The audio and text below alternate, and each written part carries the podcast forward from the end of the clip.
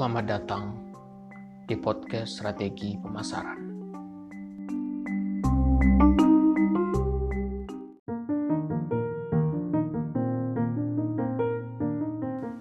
Kali ini kita akan bicara tentang corporate reputation management atau manajemen reputasi perusahaan.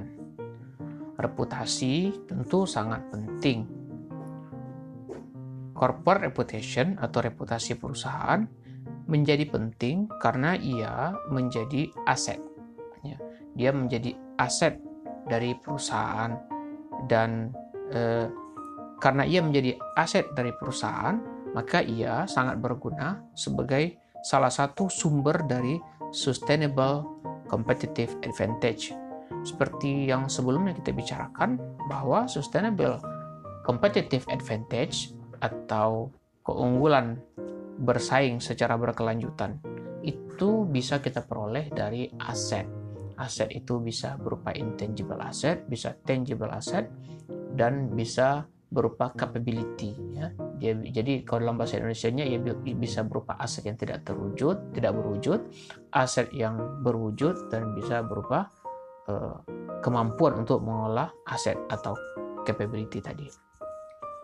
Jadi reputasi itu termasuk aset yang tidak berwujud. Oleh karena itu, eh, ia penting untuk membangun social sustainable competitive advantage. Sebaliknya, bila sebuah perusahaan eh, reputasinya rusak, maka itu akan sangat merugikan perusahaan itu karena eh, untuk memperbaiki kembali reputasi yang rusak membutuhkan usaha, biaya, dan waktu. Nah, usahanya itu sulit, biayanya besar, dan waktunya tidak tidak pendek.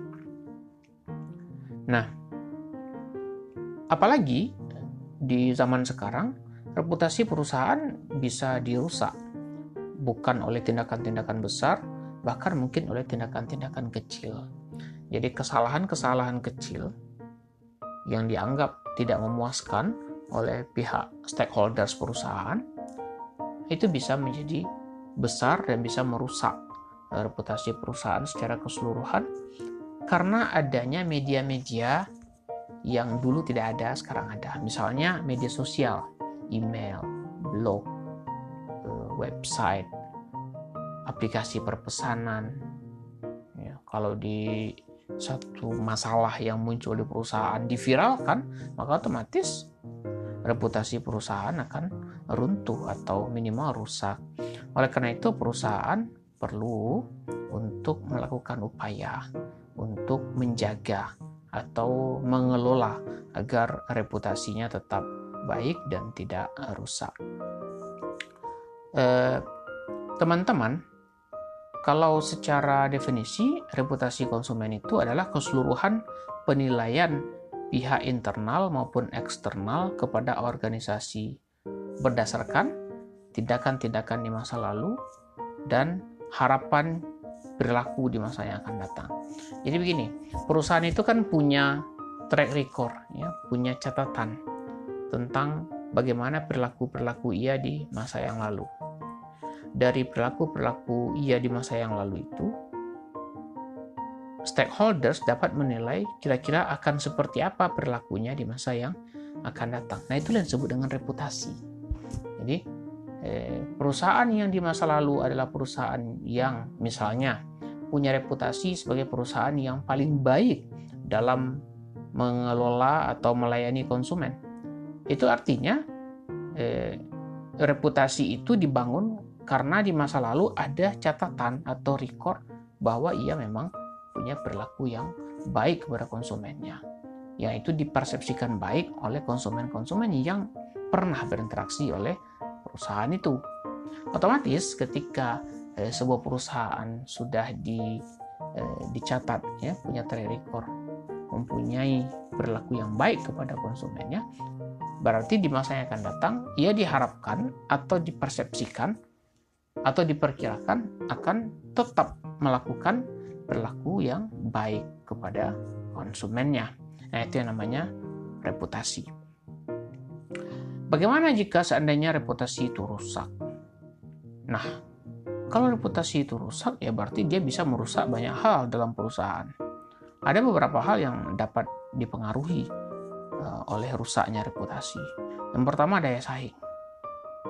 Otomatis ya, bila sebuah perusahaan reputasinya sudah rusak, berarti daya saingnya di pasar juga akan uh, menurun. Kemudian, uh, yang akan rusak itu uh, positioning. Ya, apalagi bila kerusakan reputasi itu berkaitan dengan core value dari perusahaan. Jadi positioningnya di dalam pasar juga rusak. Juga berubah. Seperti kita pahami sebelumnya, positioning itu adalah tentang bagaimana konsumen meletakkan perusahaan kita, memposisikan brand kita di benaknya. Jadi ketika brand perusahaan kita mengalami eh, apa, eh, reputasi yang rusak, maka otomatis positioningnya juga akan eh, rusak. Kemudian, bila reputasi rusak, berarti salah satu yang akan rusak itu adalah loyalitas stakeholders. Stakeholders kita itu bisa konsumen, bisa pemerintah, bisa supplier, bisa tenaga kerja. Itu semua akan eh, bisa kehilangan loyalitas kepada perusahaan kita. Anda bayangkan bila perusahaan kita tercatat sebagai perusahaan yang suka merusak lingkungan, maka berarti konsumen yang peduli terhadap lingkungan mungkin akan tidak loyal lagi kepada kita. Tenaga kerja yang peduli pada lingkungan tidak lagi loyal kepada kita. Begitupun supplier. Kemudian yang akan terpengaruh dari rusaknya reputasi adalah hubungan dengan masyarakat dan media. Masyarakat sekitar, walaupun dia tidak menjadi konsumen kita, dia menjadi uh, orang yang mengamati perusahaan kita. Bahkan ia bisa menjadi calon konsumen kita. Jadi bila bila apa bila reputasi itu rusak, nah hubungan kita dengan masyarakat itu pasti rusak, terutama masyarakat yang langsung berhubungan dengan perusahaan itu atau masyarakat yang relevan dengan perusahaan itu. Kemudian yang kelima yang bisa rusak apabila reputasi rusak itu adalah legitimasi untuk beroperasi. Karena ada syarat-syarat untuk beroperasi bila sudah rusak misalnya kita punya reputasi yang buruk dalam hal pengelolaan limbah misalnya ya otomatis. Syarat sah untuk perusahaan kita beroperasi ya kan tidak ada akan berkurang apalagi misalnya e, lembaga yang berkaitan dengan lingkungan hidup mengatakan bahwa perusahaan kita tidak bisa mengelola limbah dengan baik. Bisa jadi perusahaan kita dicabut izin usahanya. Lalu apa risiko bila kita apa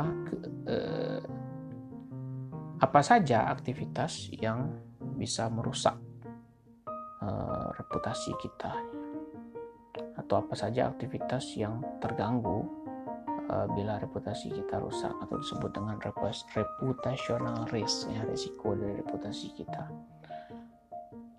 Yang pertama ada kegagalan produk.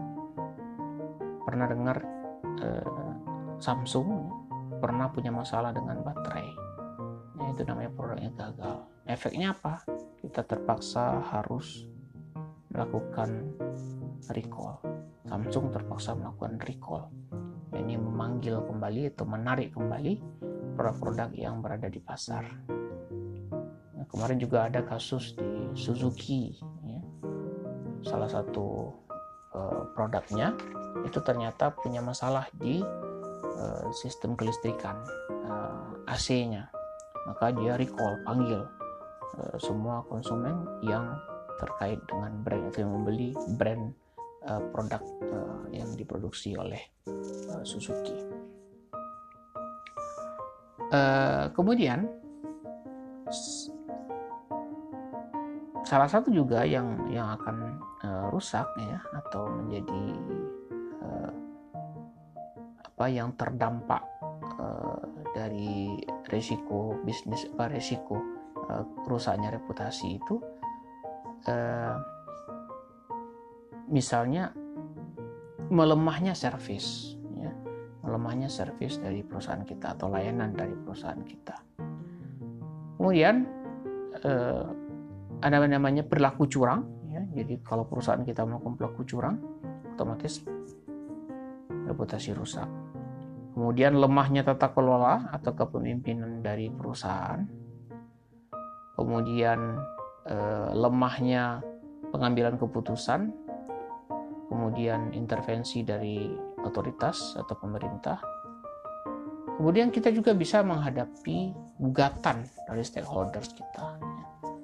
Apabila uh, reputasi kita jelek itu, ya, kita sudah pernah digugat oleh stakeholders kita, maka otomatis reputasi kita sudah sudah jelek. Kemudian perilaku yang tidak etis kepada kompetitor, lalu kemudian uh, konflik ya, di direksi atau di kepemimpinan perusahaan kita.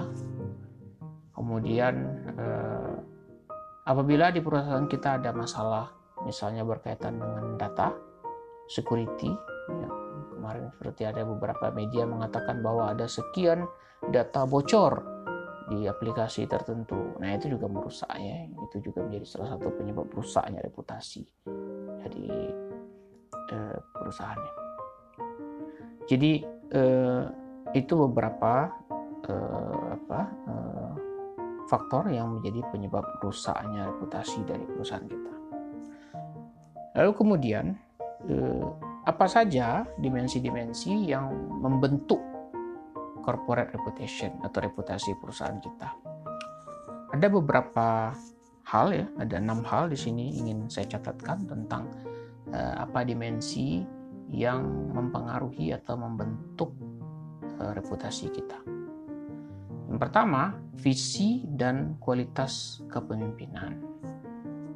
Ya, jadi kalau sebuah perusahaan punya kepemimpinan yang yang visinya jelas ya kualitas kepemimpinan jelas otomatis eh, dimensi apa dimensi ini mampu eh, meningkatkan reputasi dari perusahaan itu.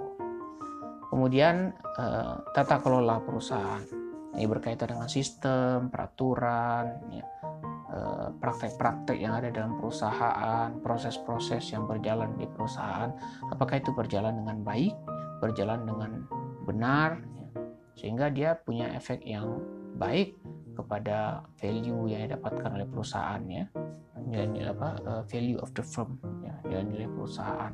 Bisa menguntungkan kepada shareholders menguntungkan kepada investor ya. Eh, kemudian apakah tata kelolanya itu etis atau tidak? Nah, itu semua bisa membentuk corporate uh, apa namanya itu reputation. Kemudian, nah ini yang pasti yang salah satu yang penting, financial performance, kinerja finansial. Tidak mungkin sebuah perusahaan punya reputasi baik bila kinerja keuangannya tidak baik, kinerja finansial. Sebaliknya, perusahaan-perusahaan yang kinerja keuangannya baik juga akan uh, mendapatkan reputasi yang baik. Dimensi selanjutnya adalah investasi kepada uh, research and development Artinya perusahaan-perusahaan yang selalu melakukan studi, penelitian, pengembangan, membuat inovasi-inovasi terhadap kualitas produknya, otomatis eh, corporate reputation-nya akan naik. Kemudian eh, selanjutnya investasi kepada eh, lingkungan kerja Ya, kita lihat ada perusahaan yang menyediakan lingkungan kerja yang sehat, ya, menghargai karyawannya, menciptakan lingkungan uh, tempat kerja yang nyaman. Nah, eh, tindakan-tindakan seperti ini akan meningkatkan kepuasan uh, dari konsumen. Otomatis seperti tadi di materi sebelumnya kita bahas bahwa apabila konsumen puas, ya, maaf, apabila tenaga kerja puas, otomatis dia bisa membentuk apa yang disebut dengan brand citizen behavior atau perilaku sebagai warga merek ya sehingga ia akan berfungsi uh, untuk meningkatkan kepuasan konsumen. Jadi uh, tenaga kerja yang puas otomatis juga akan mampu meningkatkan kepuasan konsumen. Kemudian uh, yang keenam, dimensi corporate reputation itu adalah terkait dengan corporate citizenship. Jadi eh, bagaimana keterlibatan eh, corporate perusahaan eh, dalam lingkungan sekitar. Jadi terkait dengan kinerja sosial atau corporate social responsibility dari perusahaan itu. Perusahaan-perusahaan yang punya corporate uh, social responsibility yang baik tentunya akan uh, mempunyai reputasi yang.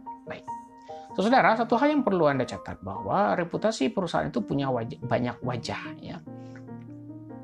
Tadi kita sudah bahas di, di definisi awal bahwa reputasi eh, perusahaan itu adalah terkait dengan keseluruhan penilaian eh, dari eh, pihak internal maupun eksternal. Jadi eh, ada stakeholder seperti kan, stakeholders itu employee, pegawai, eh, kemudian bisa jadi kompetitor, konsumen, pemerintah. Setiap stakeholders itu pasti punya persepsi kepada perusahaan kita karena banyak persepsi, maka berarti banyak reputasi. Misalnya ada satu perusahaan punya reputasi yang baik dalam research and development, tapi tidak punya reputasi yang baik dalam corporate, dalam corporate social responsibility, misalnya. Atau dia punya reputasi yang baik dalam uh, pengembangan workplace yang baik ya, apa namanya itu lingkungan kerja yang baik. Ya seperti di Google, di Google itu ada lingkungan kerja yang yang di apa ya di kantor itu disediakan tempat yang sangat humanis ya. Ada tempat olahraga ada tempat istirahat ada jadwal istirahat. Nah itu namanya kan e, lingkungan kerja atau workplace yang baik ya. Nah e, mungkin ada perusahaan yang mampu menyediakan workplace yang baik itu kan. Yang yang yang humanis tapi ternyata kinerja keuangannya financial performance-nya belum tentu sebaik itu jadi oleh karena eh, corporate reputation itu punya banyak wajah, maka perusahaan itu tidak hanya punya satu reputasi, tapi ia punya banyak reputasi, tergantung seberapa banyak stakeholdersnya. Setiap sisi akan dilihat oleh stakeholdersnya. Jadi bisa jadi di sisi A oleh stakeholders A dia dianggap baik, di sisi B eh, di stakeholders eh, B eh, dia dianggap tidak mempunyai reputasi yang baik.